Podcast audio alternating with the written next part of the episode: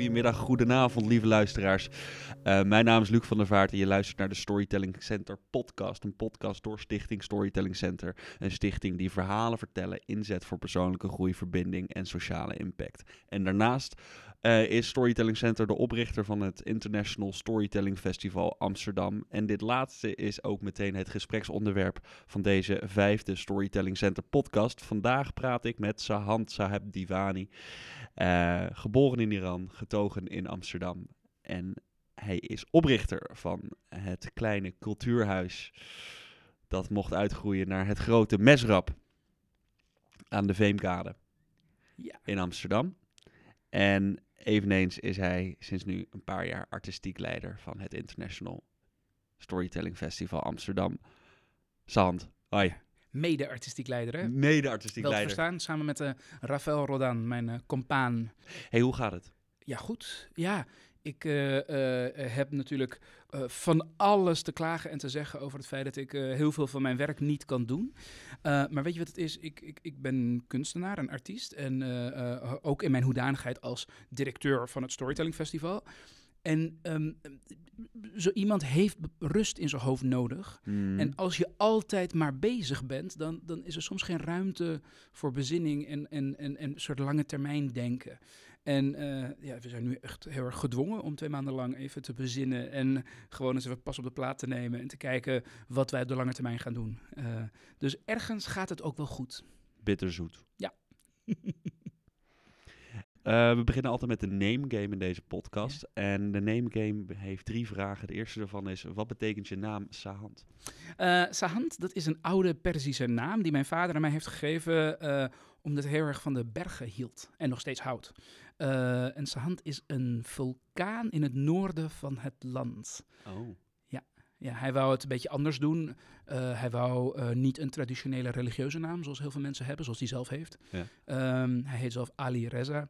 Um, maar hij wou bergen, dus ook mijn broertje is vernoemd naar een berg. Dat is Alborz, ik naar Sahand. Ja. Hm. Oh, gaaf. Dus zijn onconventionele namen. Ja, nou tegenwoordig uh, hoor je ze vaker. Maar de meeste Sahanden die ik ben tegengekomen, die zijn uh, jonger dan ik. Okay. Dus hij is wel een beetje de eerste, of een van de eerste, die uh, weer opnieuw met die namen begonnen is. Hipster dus. Beetje hipster, ja, Beetje zeker. Hipster. Ja. Ben je blij met je naam? Heel erg, ja. Ik, ik, er is bij mij ook wel ingebakken door mijn vader uh, als een van de culturele normen die hij mij heeft gegeven, dat je naam, dat dat je trots is. En dat je die ook wel moet uitdragen. Dus zowel mijn voornaam als mijn achternaam, dat zijn toch wel namen waar ik, waar ik, waar ik heel blij mee ben. Ja, zeker. Ja. Dus als iemand aan je vraagt, hoe heet je? Ja. Hoe zeg jij dat dan? Dan zeg ik, mijn naam is Sahande Saheb Divani. Dan ga je, echt, dan ga je er helemaal in. Oh, absoluut. zeker als, als ik een beetje indruk wil maken, ja. En gedronken heb. Ja. uh, heeft je naam een grotere betekenis? Um, uh, ja, een beetje, beetje filosofisch gezien uh, was ik me heel erg bewust van het feit dat ik heel erg lang de enige Sahand in Nederland was. Mm -hmm. um, en die uitzonderingspositie, dat is wel iets waar ik naartoe heb geleefd. Uh, ik heb wel altijd gedacht van, ik, ik moet ergens voor staan. Ik moet iets bereiken. Um, klein beetje misschien een Napoleon-complex, hè, migrantencomplex, uh, tweede generatie-complex, hoe je het wil noemen. Hoe bedoel je?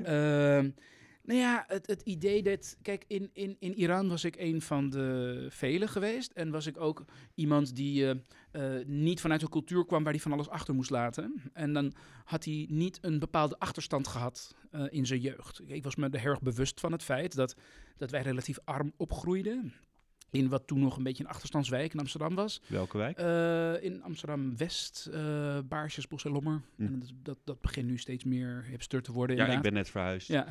naar, de, naar de Admiraal Ruitenweg. Nou, dus. ja, dan ken je het. Ja. Uh, maar ja, 30 jaar geleden, 40 jaar, 35 jaar geleden, ja. toen wij Jenevertestraat binnenkwamen. Dat was echt een andere, ja. andere buurt. Um, en in Iran waren we gewoon, ja, wat zal het zijn, een beetje middenklasse geweest. En gewoon uh, ouders, twee verdieners. Um, en, en je komt in een nieuwe cultuur, een nieuwe samenleving. En, en je, je, je, knokt ervoor. En ja, mijn naam is daar ook wel onderdeel van. Ja, uh, ik heb een positief stereotype over Iranese uh, mannen. En dat is trots. Ja. Ja, ja zeker. zeker. Je, je moet ook wel een beetje bedenken dat je misschien een vertekend beeld hebt, omdat je waarschijnlijk de Nederlandse mannen in Nederland kent. Ja, en dat is ja. voornamelijk mensen die eh, ja, toch wel hoog opgeleid en eh, om politieke redenen naar Nederland zijn gekomen. Ehm, dus dat, dat is dat niet een dwarsdoorsnede van de, van de samenleving, maar het zijn toch wel mannen en vrouwen, vrouwen ook hoor. Ik bedoel, ik, ik vind de, de, de Ja, Iraanse ja. vrouwen nog stoerder dan de Iraanse mannen. Die, eh, ja, die, die, die, die, die zijn zich er bewust van wat ze hebben achtergelaten en wat ze willen opbouwen. Heel vaak. Ja, maar jij wilt wel echt wat opbouwen. Oh, zeker.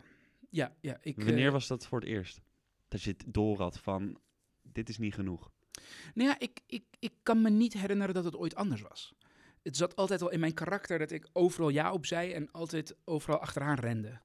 Ehm, voor mij bestond er op school bijvoorbeeld niet zoiets als keuzevakken of eh, eh, activiteiten waar je op kon intekenen. Want als een activiteit er was, dan, dan, dan, dan deed je dat toch? En ik weet bijvoorbeeld een, een voorbeeld van toen ik zes was net en dat ik eh, eh, op een klas werd gestopt eh, om, om een vermeende taalachterstand in te halen, want ik woonde net in Nederland en dat was een leesklas. Ja, En ik vond het fantastisch. Ik dacht, oh, er wordt mij een leesklas aangeboden. En ik heb heel erg mijn best gedaan en ik kon het snelste lezen van de hele klas, waardoor ik dus van die klas werd afgehaald, want ik had geen bijscholing nodig. ja. Ehm, maar- en ik dacht dat ik gestraft werd, want ik vond die leesklas zo leuk. Nou, dat is dus een beetje heel tekenend voor hoe ik dingen aanpak, denk ik. Dus eigenlijk vanaf jongs af aan positief en ondernemend. Ja, dat denk ik wel, ja. Eh, je bent artistiek leider van het International Storytelling Festival Amsterdam. Hoe gaat het met de voorbereidingen van eh, dit festival 2020? Dit jaar heel slecht. Ja? Ja, en het heeft er heel erg mee te maken dat we gewoon echt totaal niet weten eh, hoe het er straks uit gaat zien.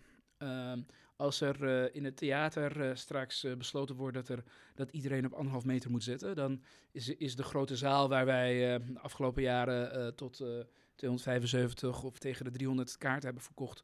Ja, als daar straks maar 50 man mag zitten en de Ja. kleine zalen überhaupt niet tot onze beschikking staan, ja, dan weet ik niet wat wij kunnen programmeren. En daar, daar proberen we nu wel een plan voor te maken en ook een deel van de activiteiten online onder te brengen.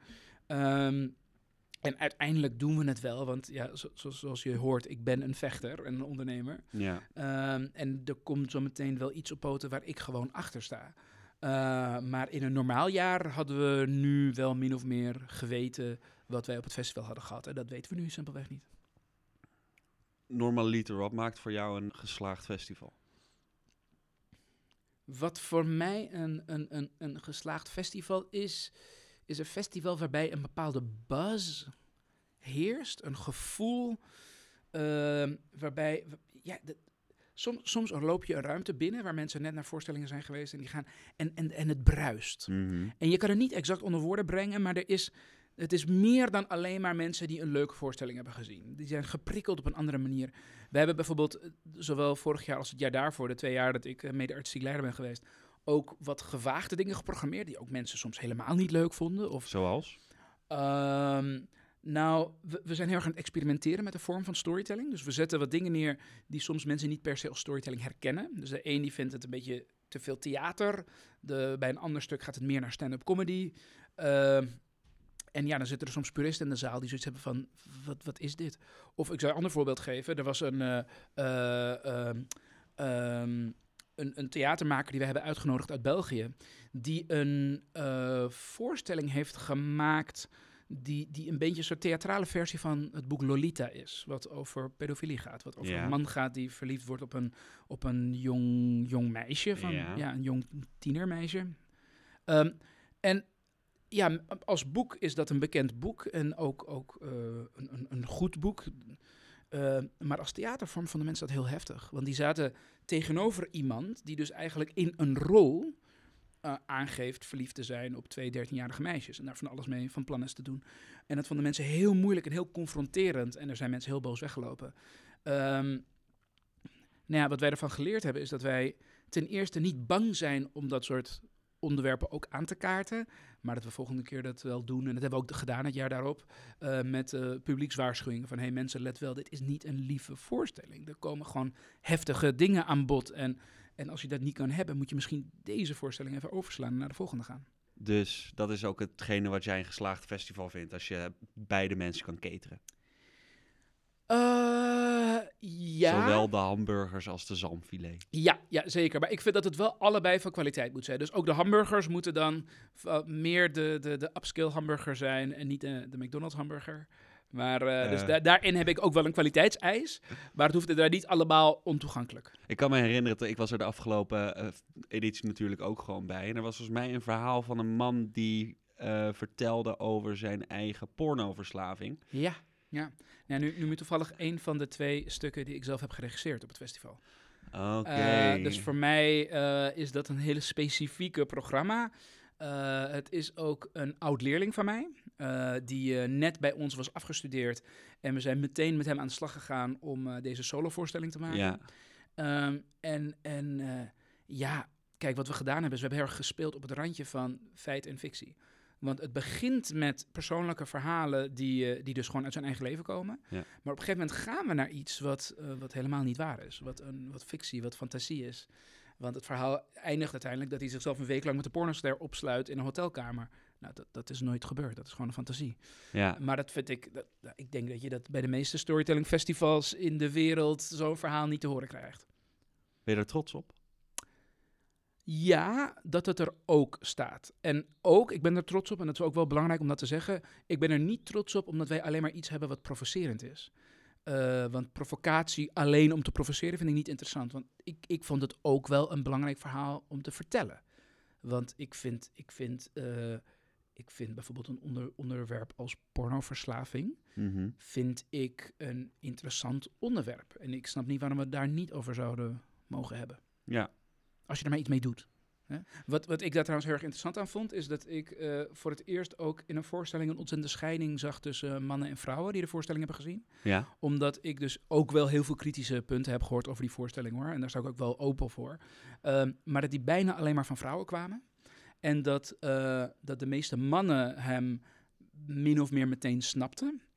Uh, en, en, en dat vond ik een uh, hele belangrijke ervaring, omdat het voor mij dus een, een bepaalde kant van mijn werk uh, en van het werk van Thomas, hè, de, de, de maker van het stuk. Uiteraard, uh, laten we hem niet vergeten. Nee, nee, precies. Maar we, we hebben het ook heel erg echt samen gemaakt. Hè? Ja. Dat, dat, dat, dat dat een bepaalde blinde vlek ook wel blootlegde. Dat je dingen waarvan jij gewoon aanneemt van het, het, het publiek snapt dat, dat dat, dat dat niet per se klopt voor een groot deel van je publiek. Want ja. Uh, ja, dat er blijkbaar dus een andere ervaring is van wat porno in iemands leven betekent voor mannen en vrouwen. Percentueel gezien. Hè? En wat was dat dan? Nou ja, uh, ik denk dat heel veel mannen veel eerder snapten dat de, de dingen die daar gebeurden in die voorstelling, dat dat, dat, dat een fantasie was. Omdat, omdat die snapten dat op het moment dat je porno kijkt, dat je, dat je in een fantasie jezelf kan verliezen en dat het ook wel gevaarlijk kan zijn.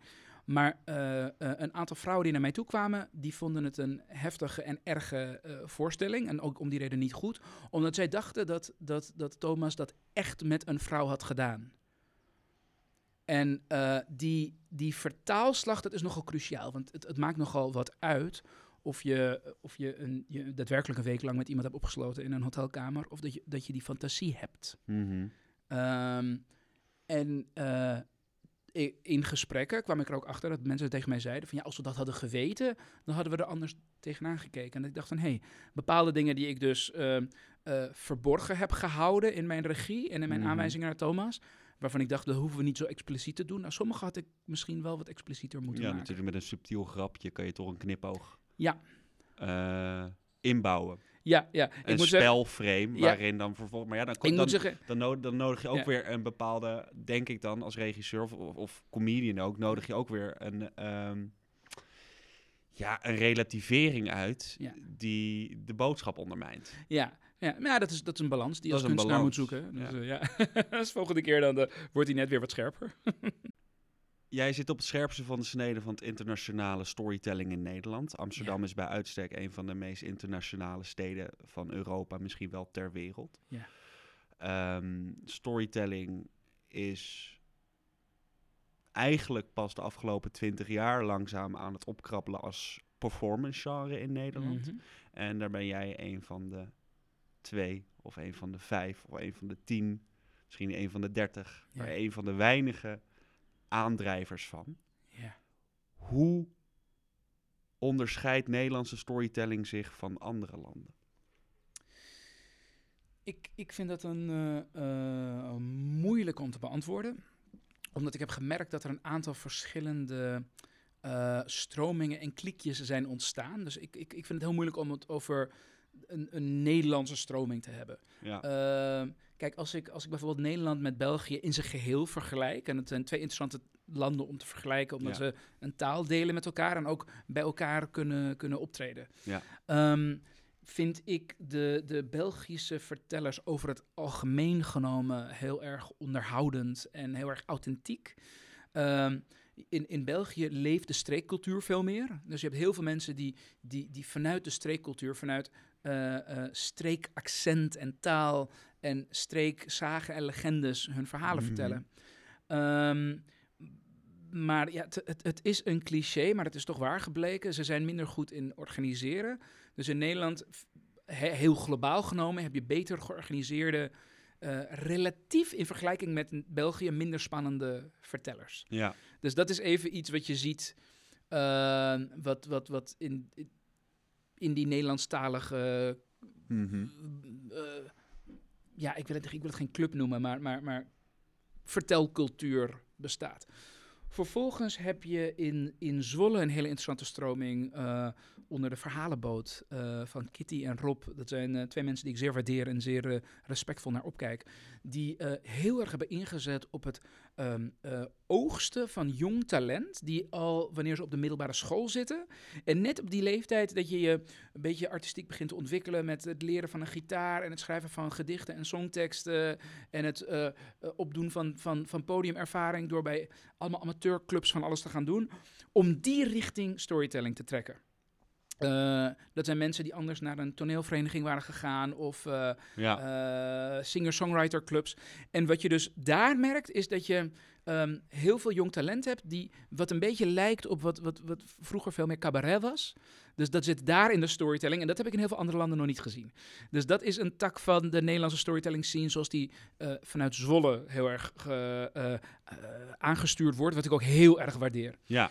En Amsterdam, omdat dat echt wel losstaat van de rest van Nederland. Ja. Dat is die rare internationale bruisende stad waar um, een ontzettend grote groep buitenlandse studenten en expats zitten, die uh, in een stad terechtkomen die, die heel internationaal is, maar op cultureel niveau eigenlijk dat totaal niet is. Want wanneer je naar andere uh, plekken gaat, dan, uh, nou, ik zal je een voorbeeld noemen, je, je houdt van theater en je komt in Amsterdam en het meeste theateraanbod is gewoon in het Nederlands zonder boventitels. Zoals Mhm. in Brussel wordt er vanwege de taalgrenzen altijd verschillende titels gebruikt. Dan zie je een Vlaamse voorstelling met Franse titels. Hè. Um, in Nederland is dat gewoon niet zo. Dus een internationale student die moet telkens maar weer naar die uh, uh, uh, commerciële Amerikaanse films gaan. Want als die een interessante buitenlandse film ziet, dan is die gewoon in het Nederlands ondertiteld.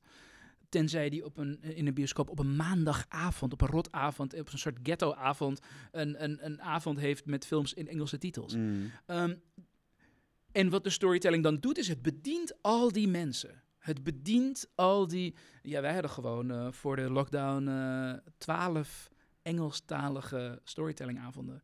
Uh, de, de, waar, waar tussen de 80 en de 250 bezoekers per editie op afkwamen. 12 per maand. Ja. Um, dus dat betekent dat er gewoon een hele grote groep is die. En het is. Dit, dit, dit, dit, ik denk dat dat ons heel erg in contact ook brengt met een soort internationale uh, hang naar verhalen. En vooral de waar gebeurde verhalen. Want er zijn, dit, er zijn dus niet mensen die vanuit een soort uh, uh, storytelling virus, gekte in de storytelling zijn, zijn, zich hebben gestort, maar gewoon als mens behoefte hadden om het verhaal van iemand anders te horen. Dus die uh, gaan ook heel erg aan op, uh, op, op dus die true stories en waar gebeurde verhalen. Ja, die echt op zoek zijn naar verbinding. Ja.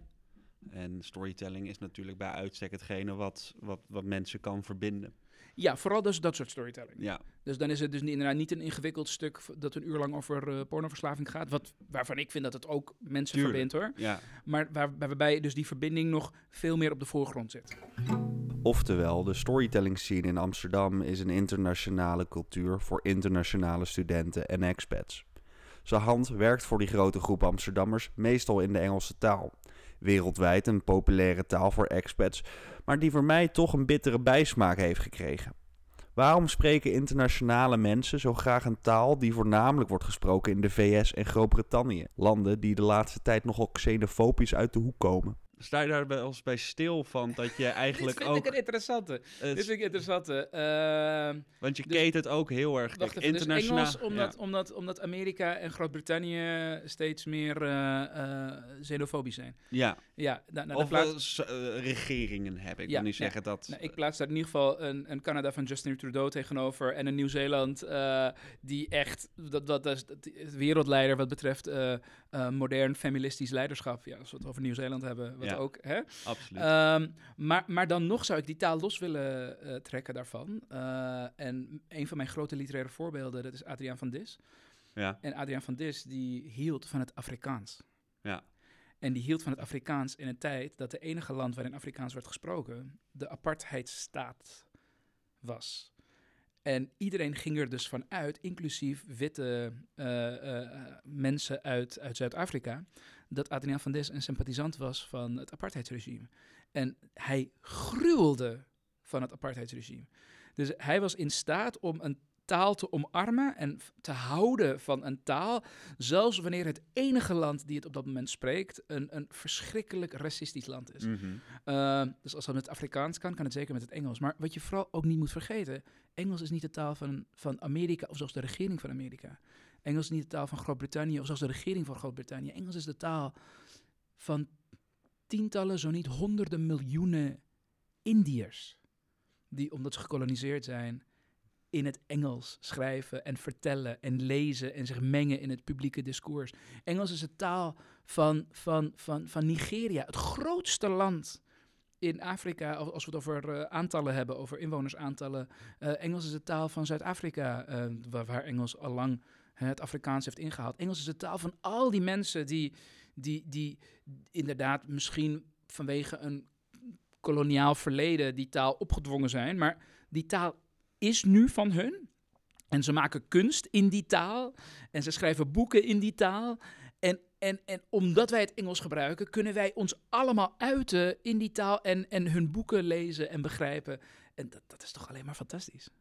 Oké, ja, ja, Ja. leuk. Ja, ja, ik, ik, ben, ik ben niet eh, negatief over Engels, maar ik denk wel dat er op cultureel vlak een soort van kolonialistisch eh, spelletje wordt gespeeld met de... Ja, maar dan, dan, dan, gaat het, dan, gaat het, dan gaat het niet eens zozeer over het Engels en waar het wordt gesproken. Ik maak me wel zorgen over de positie van het Nederlands. En dat vind ik een interessante discussie. Dus niet eens zozeer over hè, waarom, waarom het Engels eh, en wie dat allemaal spreekt. Dat, dat vind ik allemaal niet zo interessant. Mm. Eh, voor mij is het gewoon een grote, eh, gigantisch verbindende taal. Ja, Ik vind wel dat wij in Nederland ehm, eh, het Nederlands zelf niet, eh, niet genoeg omarmen en ondersteunen en bezigen. Ehm, maar ik ben, kijk, ik, in mijn dagelijks leven uit ik mij in drie talen. Ja. Ik ben dagelijks bezig met het spreken, zowel in het Nederlands als in het Engels als in het Persisch. En dat doe ik allemaal op hoog niveau, op, op, professioneel niveau. En het Persisch bijna professioneel en Engels en Nederlands op professioneel niveau. Ehm, wat ik nu merk is dat, dat mensen, omdat ze bang zijn voor de positie van het Nederlands, zich af gaan zetten tegen het Engels. En eh, wat ik dan wil aangeven is, ik deel jouw zorgen wat de- positie van de Nederlandse taal betreft. Ik vind dat wij, dat wij ons veel meer moeten inzetten op het, op het Nederlands, zoals ze dat doen in België. Heb je gezien hoe fantastisch Nederlands de Vlamingen spreken? Mhm. En die doen dat in een land waarbij ze. eh, eh, de- er zijn veel meer Vlamingen die Frans spreken dan dat er eh Wallonen zijn die Vlaams spreken, overigens. En daarnaast spreken ze ook allemaal vloeiend Engels. Misschien niet op het niveau van de Nederlanders, maar dat doen ze wel. Maar ondertussen schrijven ze de beste literatuur. Ondertussen eh, scoren ze ontzettend hoog wat taaltoetsen betreft. En maken ze ons vaak in eh, hè, met nationale dicté en gaan ze Mhm. maar door. Ehm, dus ik vind dat je, dat je ergens zorgen over kan maken zonder je af te zetten tegen die andere taal, wat alleen maar een verrijking is. Maar dat is toch, gaat toch niet helemaal niet op, want het Vlaams wordt toch juist zo populair in, eh, in verzet tegen het Frans. Ja, dat is zeer zeker waar. Dat is absoluut zeer zeker waar. En ik vind dat je ehm, op het moment dat je vanuit je verzet, vanuit waarvan jij denkt van, hé, hey, ik, ik, ik maak me ergens zorgen over. Op het moment dat jij het omzet in een positieve actie, namelijk dat jij een mooi boek schrijft, namelijk dat jij mooie storytellingavonden in het, in het Nederlands opzet, dat jij daar van alles aan doet, dan vind ik dat een positieve vorm van, van verzet. En dat kan dan bestaan naast al die mooie Engelstalige dingen die er zijn. Maar op het moment dat je dat niet doet en uh, tegelijkertijd je, je ook zorgen maakt over het Engels, en dan, dan, dan, dan verword je op een gegeven moment tot een soort uh, internetstrijder die eigenlijk alleen maar het Nederlands verdedigt door in slecht gespelde uh, stukjes op Facebook te kankeren over het Engels. Die heb ik ook meegemaakt. Hè? Dat ze dan mij aanvallen in, in, in, in echt een heel slecht Nederlands. Dat ik denk van ja, ik ben hier dan niet geboren, maar ik spreek Nederlands beter dan jou. Um, en, en, jij bent aan mij aan het vertellen dat het Nederlands beschermd moet worden. Ja. Uh, dus een, een, een positief vorm verzet, daar, daar, daar sta ik ook heel erg achter. En dan, dan, dan krijg je zelfs mij aan jouw kant. En eh, je doet je ogen, je ogen dicht, je valt in slaap, je droomt over het Amsterdam Storytelling Festival. Ja. En waar zijn we dan over vijf of tien jaar? Um, over vijf of tien jaar. Uh, kijk, als Amsterdammer ben ik gigantisch trots op de ITVA. De International Documentary Festival Amsterdam. Dat is gewoon niet de kleinste, al dan wel niet een van de grootste documentaire festivals ter wereld. Het is de grootste. Het is, ITVA is de grootste documentaire festival.